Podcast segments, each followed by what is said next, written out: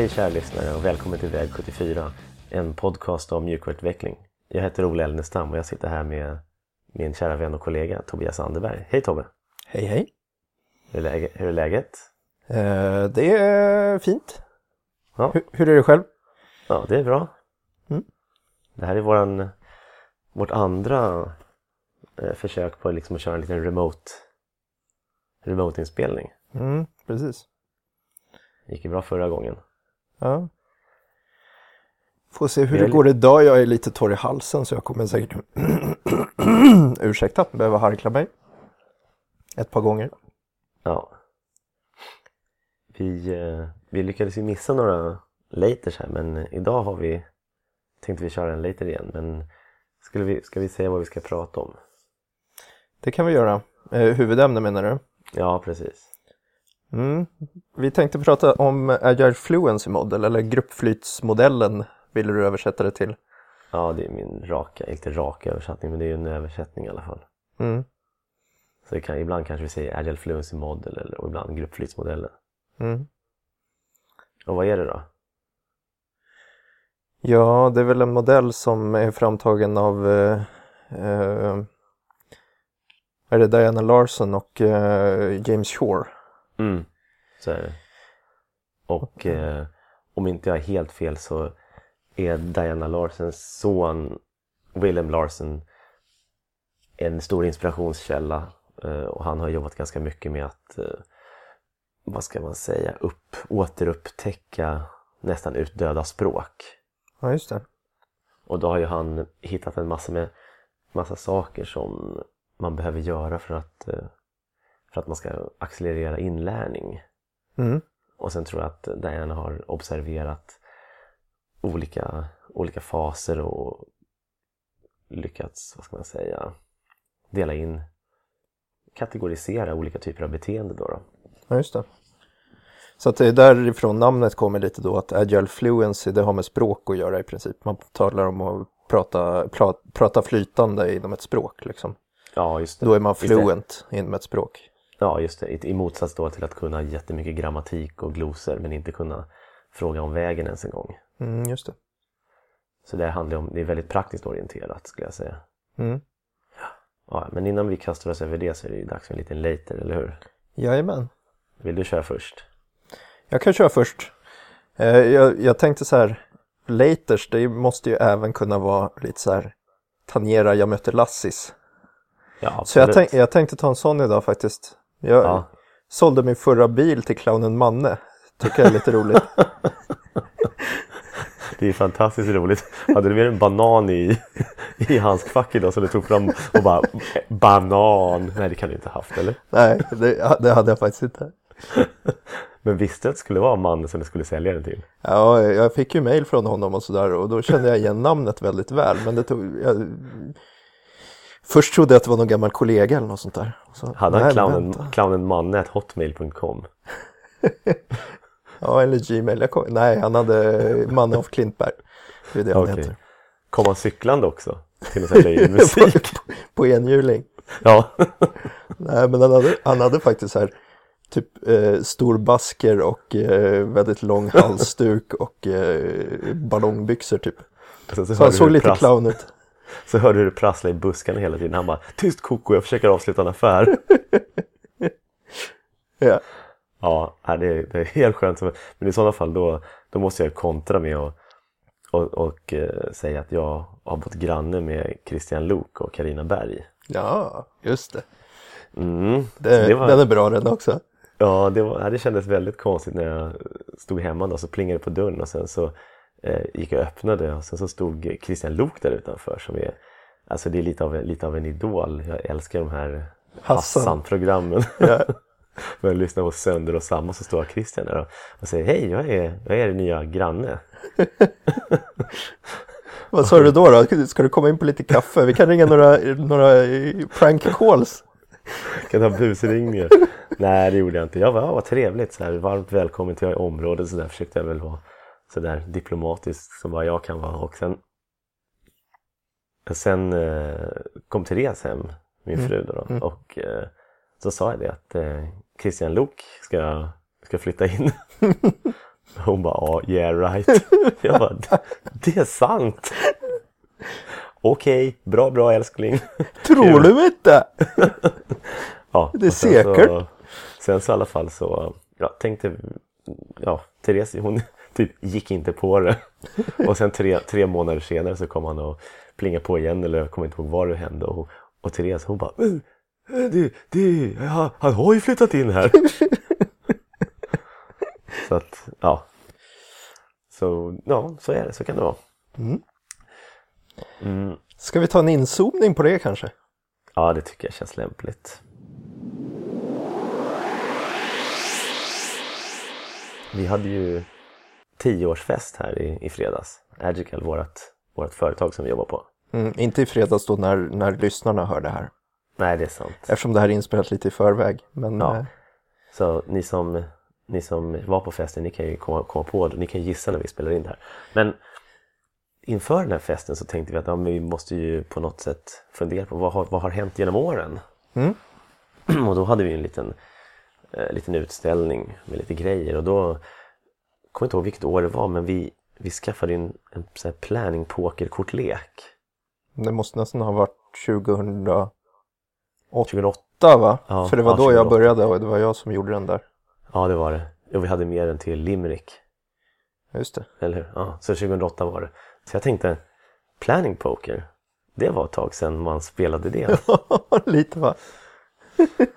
Så då undrar jag så här, hur många, eller du frågar så här, hur många kan det Fan. vara som spelar det? Da, dagens utvecklare eh, som eh, är relativt nya, de vet väl inte ens vad planning poker är.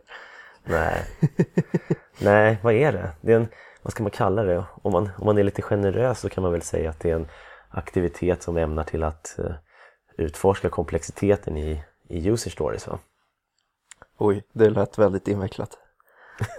väldigt teoretiskt. Väldigt teoretiskt. äh, men, Är det inte Bara- bara ett sätt att estimera? jo, det är det.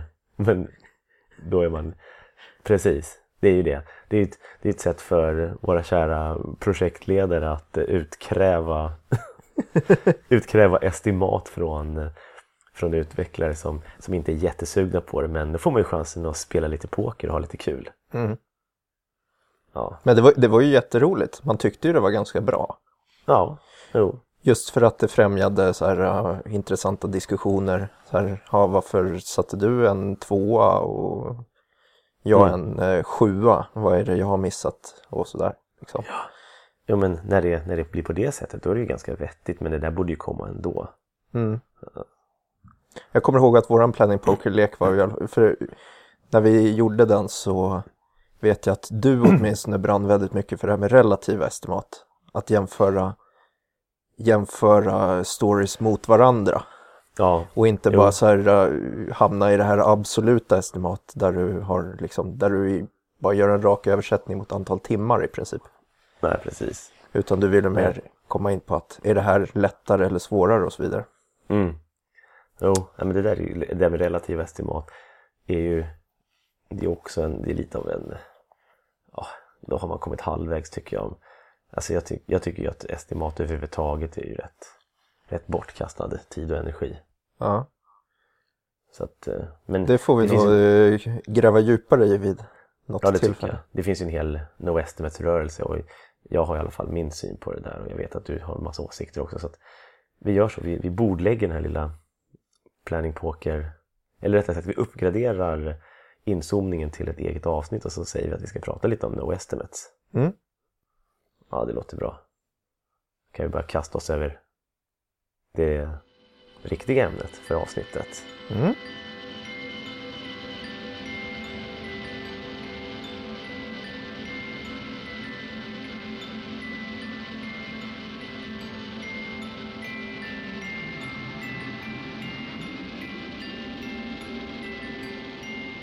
Gruppflytmodellen. Ska vi, ska vi liksom bara berätta hur vi hade tänkt oss avsnittet? Eller hur gruppflytmodellen ser ut kanske? Mm, vi får väl börja där. Eh, Vi kommer väl antagligen lägga en länk till, eh, de har ju eh, beskrivit den här modellen i, vad ska man säga, ett inlägg eller en sida. Mm. Och vi kommer väl i show notes för det här avsnittet lägga en länk till det så att man kan gå in där och titta. Ja, För det finns ju bland annat en ganska bra bild där som visar exakt Precis. stegen i den här modellen. ja, jag ser det också som en stege. Och sen så kan man ju lägga stegen, att den går uppifrån och ner eller nerifrån och upp, det spelar ingen roll. Men det är ju en, en trappmodell kanske man kan säga. Mm. Och eh, mod- modellen, har, modellen har en stjärna, två stjärnor, tre stjärnor fyra stjärnor. Mm. Där, där fyra stjärnor är, då är man väl mest, då pratar man väl mest flytande så att säga. Mm. Om vi bara lite snabbt går igenom den så är den första stjärnan, där, där fokuserar man på, på värde. Eller rättare sagt, Affärsvärde då eller? ja, Eller pengavärde eller? nej, affärsvärde är det. För sen kommer nämligen i steg två att man faktiskt levererar någonting. Mm. Man levererar affärsvärde. För det är Mm. två skilda saker, eller hur? Mm. Och sen, och sen eh, nivå tre, så att säga, eller tre stjärnor, då optimerar man vilket värde man ska leverera. Ja, just det. Då börjar det bli rätt avancerat. Då börjar det bli avancerat. Det är liksom Mm. ingen som optimerar åt dig utan där är det teamet själva som kan Ja. optimera. Och sen så optimerar man för ett, liksom, si- sitt system, så att säga. På Man fyra optimerar. stjärnor. Ja, på fyra stjärnor, ja. Och det kanske ska tilläggas, det kanske inte var tydligt, men det här är ju ett en team, alltså en grupp individer. Det heter gruppflytsmodellen, och det är en grupp individer. Det är inte, och, deras eh, framfart genom den här modellen. Mm. Precis. Vi pratar lite om de här olika, eh, olika trappstegen och sen så vad som krävs för att liksom skifta. Mm. För att komma till nästa steg liksom. Mm. Det låter bra. Ja, så så sätter vi igång med, med nivå 1 så att säga. Om, om man, om man liksom utgår från att vi, vi låtsas, eller ja, vi låtsas att eh, vi, vi har inte kommit upp ens till, till nivå 1.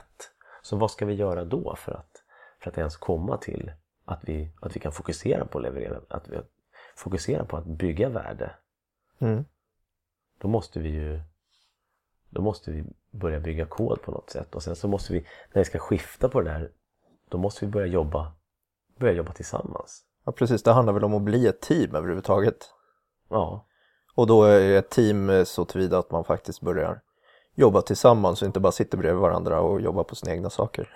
mm. Då kanske man kan börja fundera på, okej, ska vi ha en, ska vi, hur ska vår process se ut? Mm. Ska vi, ska vi egentligen, ska vi, ska vi välja en, process här? Det är populärt då. Och jag skulle säga att de flesta, de kastar sig över Scrum eller Kanban. Ja. Och det kanske man gör rätt i. Men det kommer ju bli, vilket vi kommer se sen, att är det olika grupper som samarbetar med varandra så kommer, kommer de här olika grupperna kanske ha olika förståelse. Den ena gruppen kanske är en tvåstjärnig grupp och den andra en enstjärnig grupp. Eller till och med ännu värre som jag har varit med om ibland. Jag, jag tycker väl att, att nu och då så, så nosar liksom teamet som jag är med i nu kanske på tre stjärnor.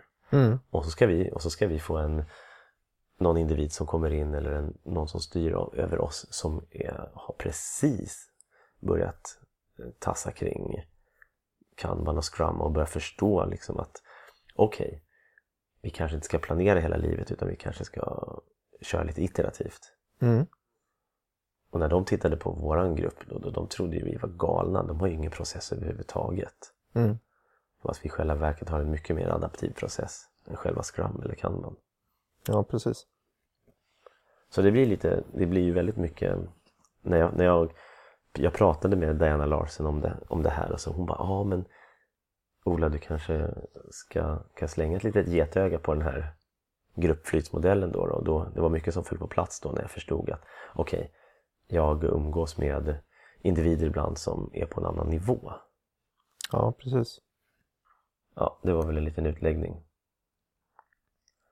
Men vad utmärker då team som ligger på, då, på en stjärna? Då har de i alla fall blivit ett team Mm. och de har börjat fokusera på att skapa affärsvärde snarare än att bara lösa lösa tekniska tasks eller vad man ska säga. Ja. Precis så. Då, annars blir det ofta så att individer bara gör tekniska tasks, om man nu ens ägnar, ägnar sig åt planering. Vilket Ja. man gör på den här nivån. Mm. Då planerar man och så sitter man och gör, gör sina tasks och benar upp dem. Men sen så sitter en programmerare, gör en task, bockar av, checkar in, så tar nästa task. Eh, Men, men när man är på väg liksom mot en teamkultur då, då, då jobbar man tillsammans istället. Och då kanske man kör en visuell, en visuell planering. Ja. Du skriver user stories kanske? Ja. Och så ser man, tittar man på framskritten då utifrån ett affärsperspektiv istället. Som en användare vill jag kunna logga in Ja, för att jag vill kunna logga in.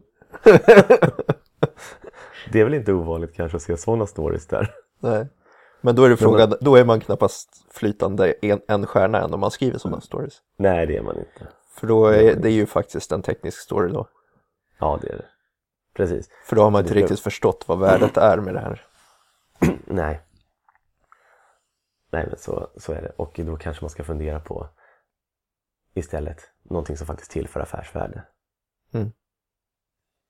Vad är affärsvärdet med att kunna logga in? Jag, jag, jag betvivlar att alla behöver ha en rigorös inloggning. Alltså. Det är bara någon identifikation. Jag tänkte faktiskt på det när jag satt och skulle kalla en massa... Jag, är skulle, jag höll på med administrationsverktyg och tänkte det är ingen som... Det, är så, det där administrationsverktyget var så krångligt. Så det här med lösenordet var det minsta hindret. Ja. Så att, eh, jag tror att man klarar sig utan. Du behöver bara identifiera det igen.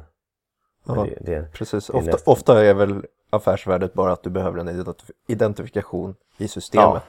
ja, visst. Och sen så kan det finnas säkerhetsaspekter som gör att inte vem som helst ska kunna komma in i systemet och då, har du, då är det kanske det som är affärsvärdet istället med att kunna Ja, logga in. En annan grej som man gör på, på den här, när man börjar fokusera på värde och för att förstå affärsvärde då, det är att man, att man kan ju styra om gruppen när det behövs. Mm, för, det, för det är också en viktig del i det här att, att gruppen rapporterar tillbaks vad de håller på med, eller hur? Ja, man, man, man sluter ju Det blir, det, blir, blir, det blir mer transparent Mm, mot ledningen vad man håller på med. ja, Och därmed har ledningen också större möjligheter att kunna styra om gruppen. ja, precis. Det, det tar väl ungefär någonstans mellan två och sex månader att, att komma liksom till att man fokuserar på värde istället för att bara, bara programmera, knacka på.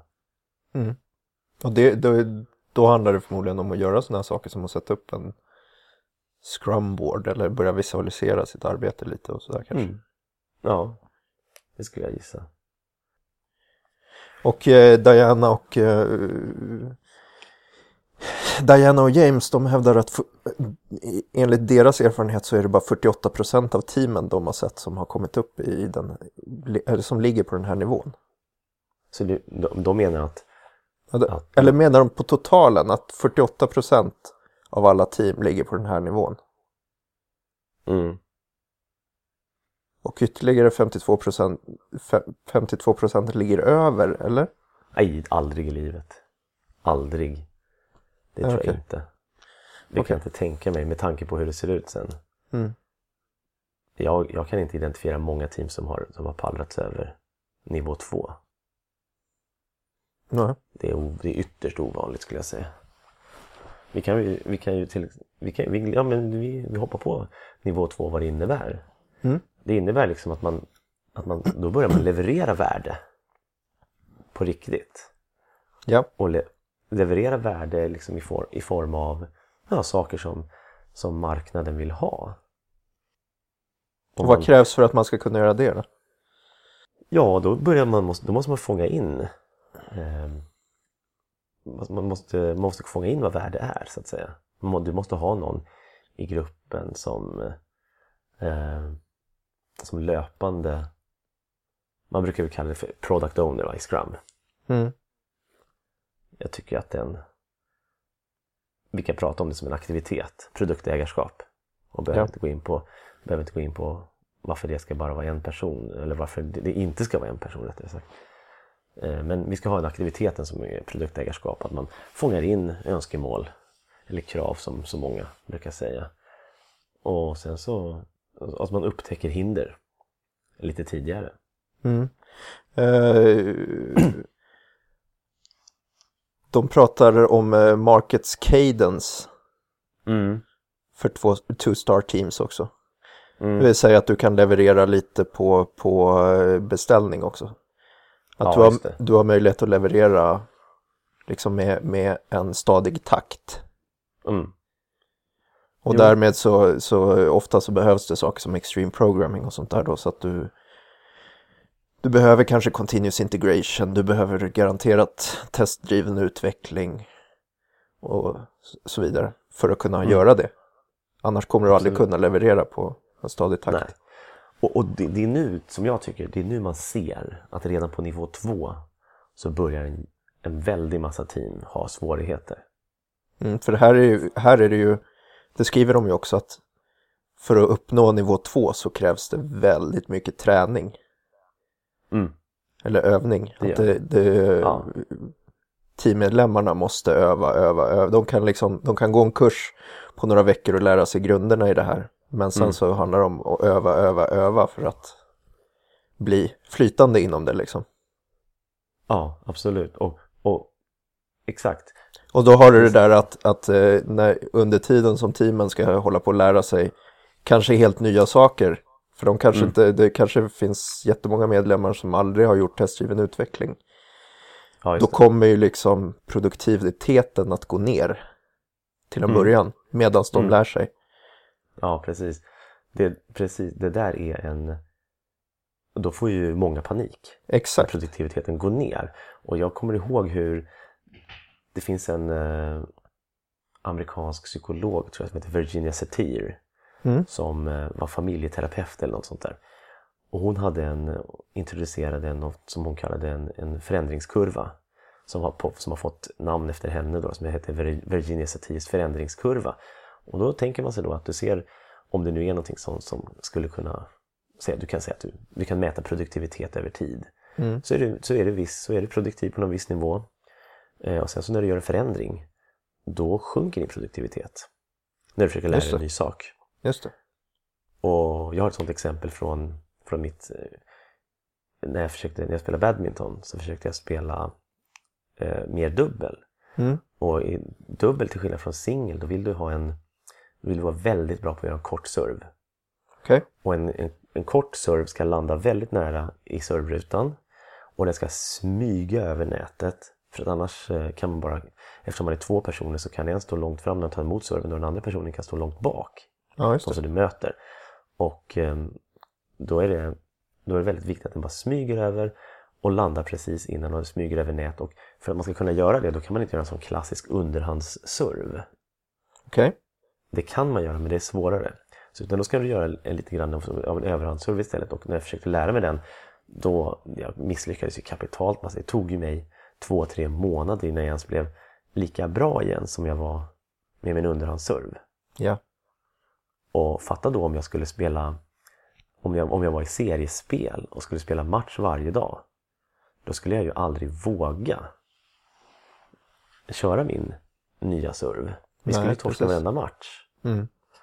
Och det är det som jag ser många team eh, kämpa med. Att de spelar match hela tiden. Ja.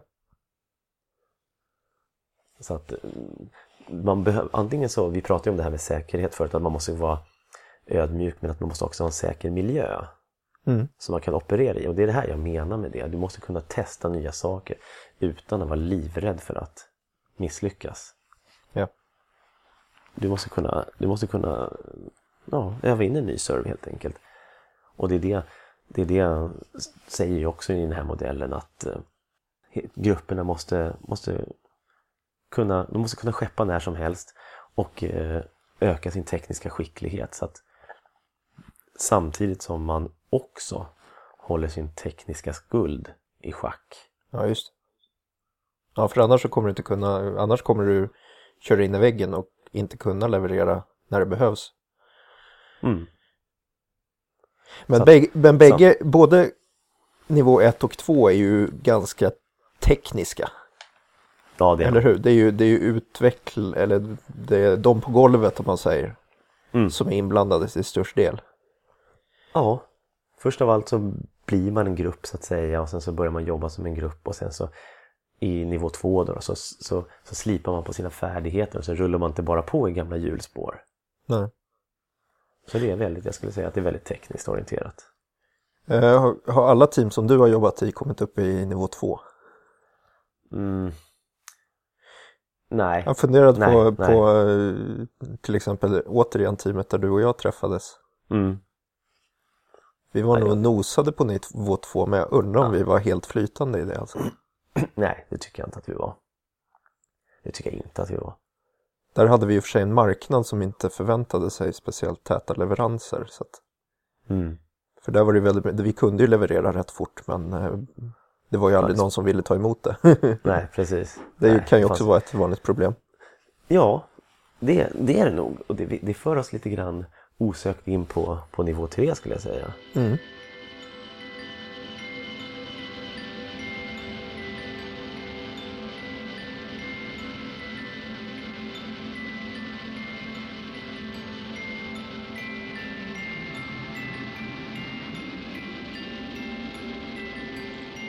Som utvecklingsteam så är, så är vi ju beroende på organisationer runt oss och, och vilka som ska ta emot det och vilka som samlar in önskemål eller krav eller vad man nu vill kalla det.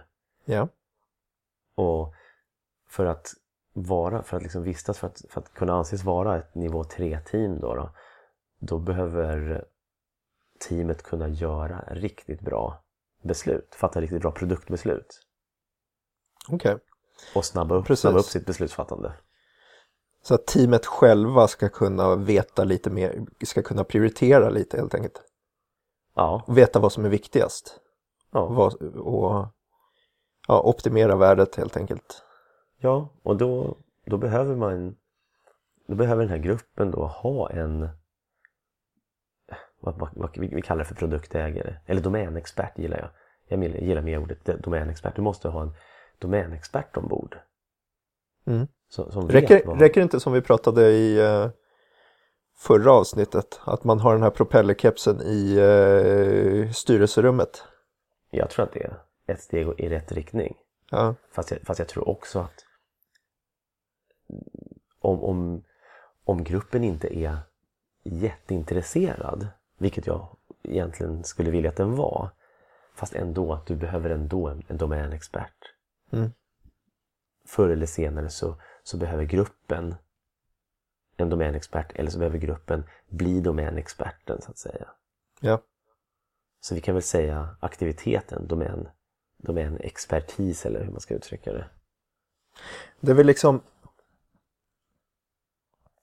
Det borde ju gå, jag funderade lite på det här innan, det borde ju gå att kunna bli flytande trestjärnigt team utan en domänexpert. Men det tar väldigt, väldigt lång tid. Mm. För att domänen kommer ju sippra in i gruppen mer och mer. Ja, det hoppas man ju. Ja, Jag hoppas ju det. ja. Och tids nog då så eh, har, man, har teamet förstått den domänen så väl så att man kan anse sig flytande trestjärnig, eller? Ja, ja. Jag skulle säga, Men då snackar vi säkert år. ja det tror jag nog. Det tror jag. Jag, i den gruppen som jag är i nu, vi har jobbat tillsammans i, inte hela gruppen då, men nästan tre och ett halvt år, tre år. Mm. Och det, det, börjar bli, jag tycker att vi börjar bli riktigt, riktigt vassa. Mm. Så jag skulle säga att eh, dag, vissa dagar så, vissa perioder så ligger vi nog inom vårt nivå 3, trestjärnig nivå skulle jag säga. Mm. Och, och att det finns ett ömsesidigt förtroende då, då i hela gruppen. Och då menar jag i hela gruppen, det vill säga domänexpert, programmerare och alla som är med i hela gruppen. Och det leder till att vi kan fatta blixtsnabba beslut. Ja. Vi, jag kan ju bara traska över till, till någon och så har man en kort konversation. Och så bara, vi kör på det. Ja. Istället, istället för att eh, sitta i, sitta i ett mötesrum och diskutera design. Eller sky, skyffla dokument fram och tillbaks. Ja. Det går ju väldigt långsamt. Så, så att eh, vi fokuserar på att få bort, vad kallar man det? Överlämningar. Ja. Mm. Så vi kan snappa upp vårt beslutsfattande. Och vi har ju... Det är, lite det, det är lite det som är målet med nivå 3 va? Ja, Med trestjärniga nivån. ja. Det är det. Och det, det, det kräver en stor eh, investering från affärsexperter. Domänexperter. Behöver hela organisationen ändra på sig för en sån här grej eller räcker det bara med att organisationen bidrar med en domänexpert? Jag, jag tror det. På den här nivån så räcker det med att man gör mindre förändringar i strukturen. Ja. Men jag tror att för nästa eh, nivå, så att säga, för nivå 4, då, då behövs det en, en, ett, vad ska vi kalla det? De skriver ett kulturskifte. Men är, eh, om vi ligger kvar lite på nivå 3, är det i XP så ehm, en av grejerna där är ju att man ska ha kunden på plats Mm. i Ja, det är teamet. är, Mm. är det det här liksom? Ja, jag skulle säga att det är ett sätt att möta upp det här. Mm. Det, det betyder inte att det automatiskt blir bra. Bara för att eh, du sätter någon tjomme. Nej, för han ska veta sin plats också. Ja, ja, han ska bidra också. ja. Jag har ju någon form av känsla, du har förmodligen också någon känsla när en person bidrar eller- inte bidrar. Mm. Jag, jag hade en konversation här med någon för några dagar sedan om hur de försöker eh, gå ut och... Det var, just det, var en UX-are som sa att ah, det är så svårt att få med sina kunder på, eh, på de här och göra kund, inte enkäter men att kolla hur kunderna jobbar och fråga dem. Jag sa det, ja, det finns ju oftast ingen anledning för, för kunderna att spendera 60 timmar på kundundersökningar, ku- alltså inte kundundersökningar utan så kund när de tittar på hur en användare använder ett program. Det måste finnas ett ömsesidigt utbyte, det har vi pratat om kanske tidigare, nej det har vi inte.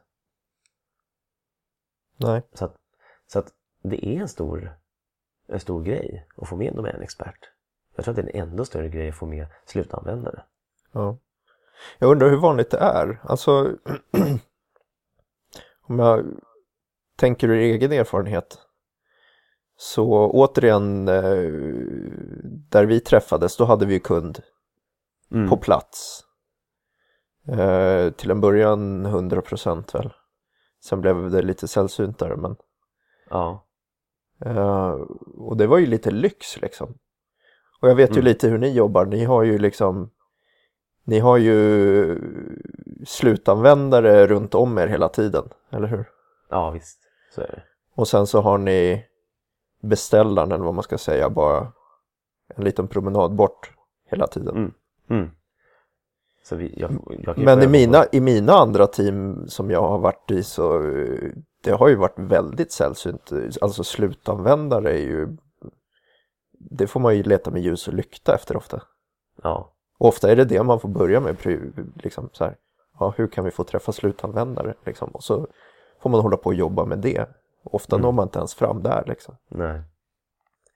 Så vi, vi har ju våra slutanvändare bredvid oss, men vi har ju två kategorier av användare. Vi har ju externa slutanvändare och interna slutanvändare. Vi gör ju ett back-office-system och en, en produkt som, som det finns eh, anonyma personer på internet som använder.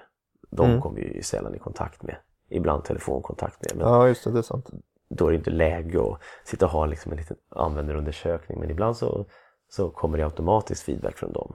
Som tycker att ja, det här formuläret det stinker ju verkligen. Eller, Är det bara negativ feedback? Det är nästan det. Eh, Nej, faktiskt inte. Nej, nu är jag lite orättvis. Det är vissa som kommer med positiv feedback också. Mhm. Men det, det, det glömmer man gärna fort. Tyvärr. Tyvärr. Ja, vad är det de säger? Man behöver tio gånger mer positiv feedback än negativ feedback, eller? Ja, tre hörde jag. Men det är ju, Tre, det är ju, ja. det är ju Carol Dweck förresten. Carol Dweck. Jaha, som säger tre, ungefär som en segelbåt. Tänk dig en segelbåt.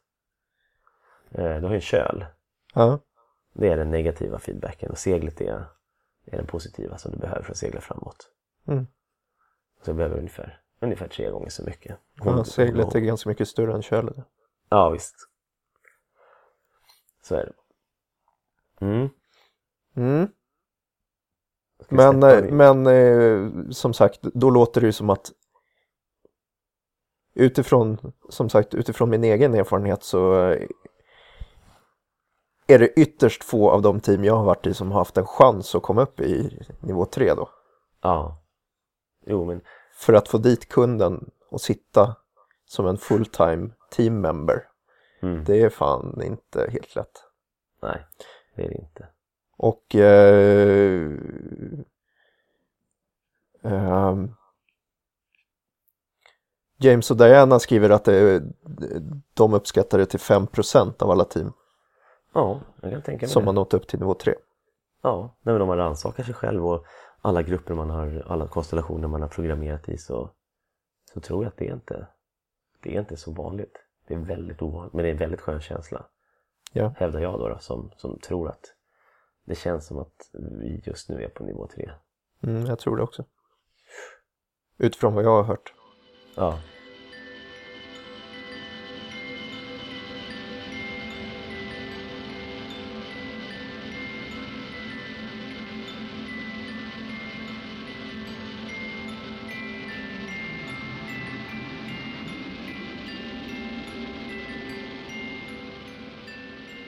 Ja, ska vi eh, skita i nivå 4 då? För det måste ju vara en utopi i så fall.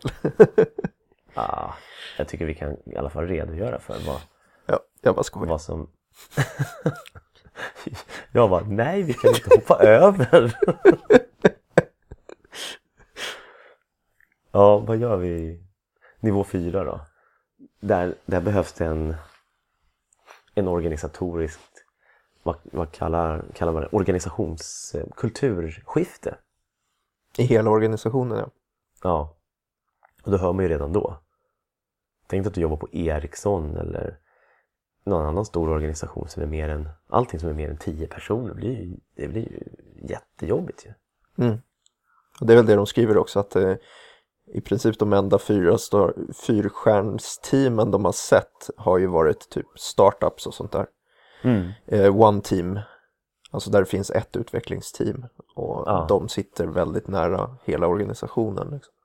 Ja visst. Och, och så att det, jag tror att det, det kanske låter lite grann som en klyscha men då, det är här som är liksom the future of agile eller the future of liksom, framtida systemutveckling.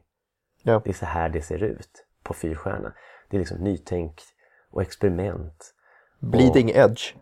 Ja, verkligen bleeding edge. Och, och där, där man tycker att experimenterande är viktigare än att göra exakt vad som funkade igår. Ja, just det. Och det, då är vi där igen med liksom säkerhet på arbetsplatsen, eller vad man ska kalla det, och ödmjukhet tycker jag. Mm.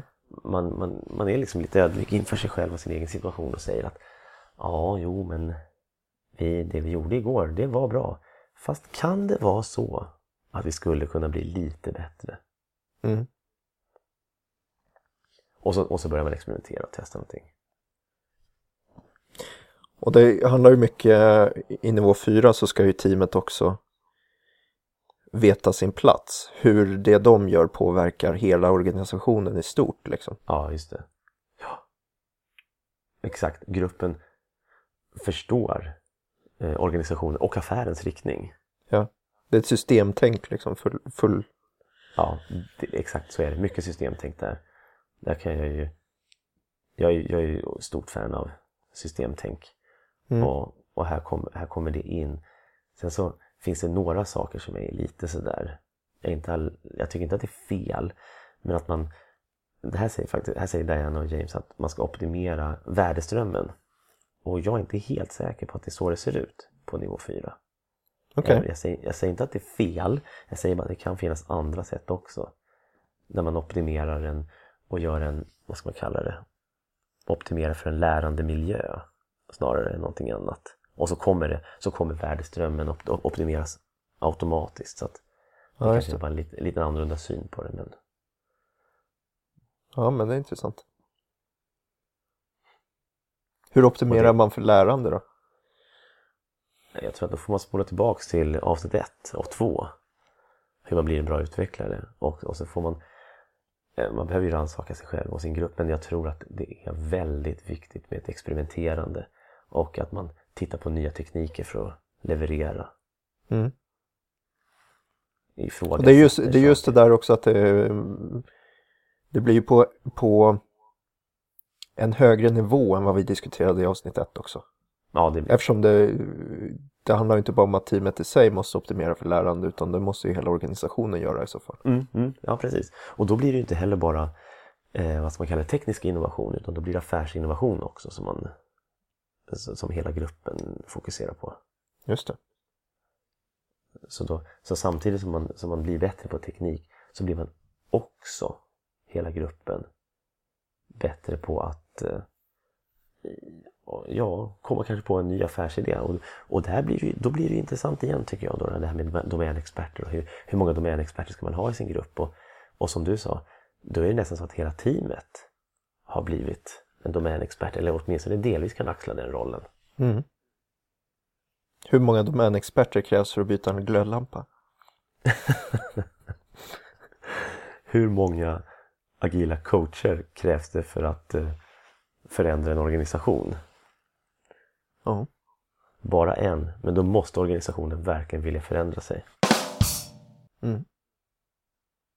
Det var ett skämt, du ska skratta. Jag förstod inte. Nej. Det, du, du lät alldeles för allvarlig. Ja, Jag bara, menar han allvar nu eller? vilken jävla idiot. Ja. Ska vi, är vi klara där? Ja, Det där torra skämtet, det ska liksom Det får, det får, det får sammanfatta hela, hela avs, avsnittet. Ska men bara... eh, eh, hur många kommer upp på nivå fyra för, först och främst? Jag vet inte. Jag tror, jag tror att det är några James enstaka- sä- säger att de har sett enstaka team som har gjort det. Ja. Och jag tror att jag tror att, att enstaka team kanske upp och nosar där. Och sen så ner igen på trean. Ja. Och eh, vi nämnde i början ungefär hur lång tid det tar att komma upp på de olika nivåerna men vi har inte sagt det på trean och fyran. Nej, Men sna- snackar vi år där? Allt? Eller kan man göra det snabbare liksom? ja, det tror jag inte. Mhm. Jag, tror, jag, tror, jag tror inte ens att det, att det finns några mät, alltså några mätbara, vad säger man, några ja, jag tror att det är väldigt olika från fall till fall. Men jag skulle bli superförvånad om det är något team som kommer till nivå 3 med mindre än att det tar två år. Mm. Så nivå 4, vad vet jag, 5, 6, 7, 8, 9, man kanske aldrig kommer dit som vi säger. Nej. Nej, speciellt som att det kräver också att du har ett, ett gel-team, alltså ett team som är ihop, har jobbat ihop sig. Mm. För att det är, ju- så fort du skiftar ut människor och sådär, då måste ju de lära sig alla skills som krävs för, att, för nivå två liksom. Ja, Eh, Så att man kan ju...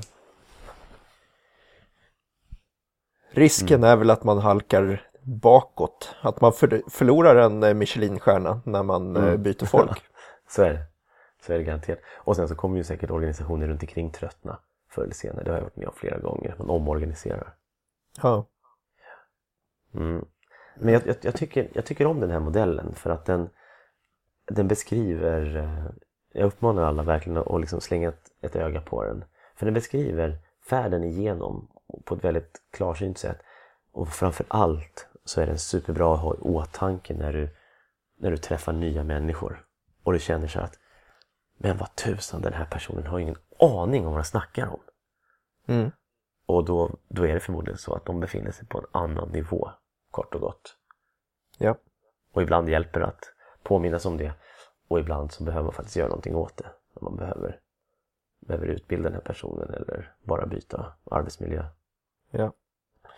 Och den visar ju på att, att så fort du vill över två stjärnor, då måste du Mm. blanda in en större del av organisationen. Ja, Än bara teamet liksom. ja, visst. Och jag kan tänka mig att det är så att det är ingen idé att blanda in den, den delen av eh, organisationen förrän du är på nivå två. Mm. Det skulle kunna vara så. Mm. Och det, är- det är ju inte säkert att, alltså det är ju inget måste att man ska sikta på nivå 4 liksom. Nej, nej, nej. Du, kan, nej, du kanske klarar det på... Om du, om du är jätte... Om du är flytande på nivå 2 då har du ett väldigt bra team liksom. Det tror jag. Redan där. Så här, jag tror att hela teamet behöver vara överens om vad teamet siktar på. Ja. Är du inte det inom hela gruppen, alltså det råder konsensus där, då, då kan det bli så. Jag tror att då blir det, då blir det gnissel helt enkelt. Ja. Så, så tror jag nog. Och sitter man i en jättestor organisation som man vet med sig att den här organisationen kommer aldrig kunna ändra på sig. Mm. Då kanske man ska sikta på nivå 2. Ja, det Sen kan man ju, eller åtminstone bli flytande i nivå 2, sen kan du ju därifrån jobba mot nivå 3 självklart. Mm. Genom att börja påverka organisationen, men man får nog räkna med att då snackar vi inte två år utan kanske, jag vet inte, fem år åtminstone. Mm. För att komma någon vart. Ja. Mm. Ja, Mm, är det dags för ett litet kortkommando? det tycker jag.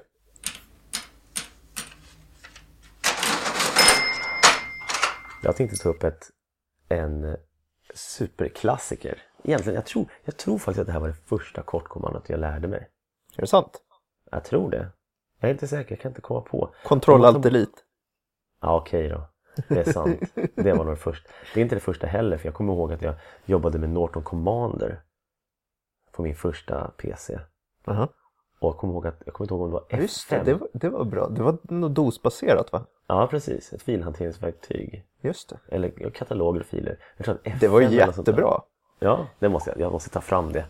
Jag ska ta fram ett Norton Commander kortkommando någon gång bara för att. Mm. Eh, och som en liten grann, vad heter det, nostalgitripp. Det ska inte vara mitt riktiga kortkommando men jag ska ändå dra upp ett. Mm. Mm, men min, om vi säger det här, det här är det första Windows-kortkommandot det är Ctrl N. Det Mm. kan ju alla, eller hur? Ja, kanske. Ny eller new, ett nytt, ett nytt dokument i, i Word, ett nytt spreadsheet i Excel. Det funkar i de flesta fall. Det är det där jobbiga kortkommandot som är Command N i vissa applikationer på Mac Ja. och eh, Control N i andra. Mm, så är det. Så är det. Nu vet jag. Jag tror att Ctrl N är det andra. Eller första och sen så är det andra Ctrl S. Men det ska vi ta en annan gång kanske. Mitt kortkommando är Ctrl N för new. Ja. Ny. Håll inte på att flippa i fil med filhanteraren och musen utan använd Ctrl N när du ska ha ett nytt. Just det. Ja, vad har du då? Jag har ett Eclipse-kommando igen faktiskt. Du är så programmeringsnära. Jag, jag Ja. känner att jag bara tar en massa töntiga... Ja, låt höra då. Ehm, allt pil upp och allt pil ner Mm. så kan man flytta en selection. Alltså, om, om du har valt ett stycke text, till exempel en Mm. metod Ja, eller godtycklig stycke, ja. så kan du trycka allt pil upp eller pil ner för att flytta omkring det här stycket i filen du befinner dig i. det är bra. Det är faktiskt oväntat användbart. Ja, jag saknar men det varje gång jag jobbar i något eh, verktyg som inte har det. Mm, mm, nej, jag håller med. Det är, jag gillar liksom att åka, åka bil med en kodmassa. Ja, precis. Men det, den är speciellt bra när man är inne i, i refaktoriseringsläge, eller hur? Ja, precis. Till exempel om du har extraherat en metod eller någonting sånt där så kommer du fram till att ah, men den här raden ska också vara med där. Så kan du bara Mm. markera den raden och så Ja, just det. Just det, just det. titt, titt, titt, flytta ner den. Ja, det handlar lite grann om mönsterseende har jag kommit på. Ja, det, Att man ser att okay, det, här, men det här är okej, det, här, det här hör också hit. ja. Mm, det är bra. Är vi klara där då, eller? ja, jag tror väl det. Mm. Vi ska väl eh, berätta hur man kommer i kontakt med oss kanske. Ja, det ska vi göra. Det gör man ju via mail. Mm. podd Mm.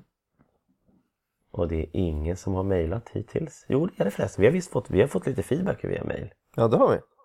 på avsnitt tre här. Real options. Mm. Det hade vi fått. Ehm, Var det bra feedback då? ja, det var bra feedback. Vi gillar feedback. ja. Twitter. Vi hänger på Twitter både, både du och jag lite grann. Mm. Jag är ett Elnestam. Och du är ett Tobbe Anderberg. Jajamän. Och sen så är du Facebookare. Ja. Hur stort tror du att överlappet är mellan Facebook och, och våra, våra lyssnare? Jag vet inte alls. Ganska litet tror- förmodligen. Jag tror, här, här tror jag minsta överlappet kommer. Instagram. Det är mycket som händer på Instagram. Nej, men, men mail och Twitter, eller hur? Mm. Och vi kanske ska säga också att eh, om man prenumererar på oss via iTunes Mm. så får man gärna gå in där och ratea oss. Ja, det är klart man ska göra det. Sätta hur många stjärnor man tycker och man kan även skriva en liten eh, recension om man vill det. Ja, för det är inte, det, dels är det roligt för oss men det är ju också hjälper oss att komma lite högre på listor och sånt där så att fler kan hitta oss. Nå ut lite grann Ja. med den här podcasten. Nej, men med de orden så tycker jag vi tackar för oss. Mm. Och tack för alla, tack alla lyssnare som lyssnar hela vägen hit. Tack så mycket. Ja, tack så mycket. Hej då! Hej då!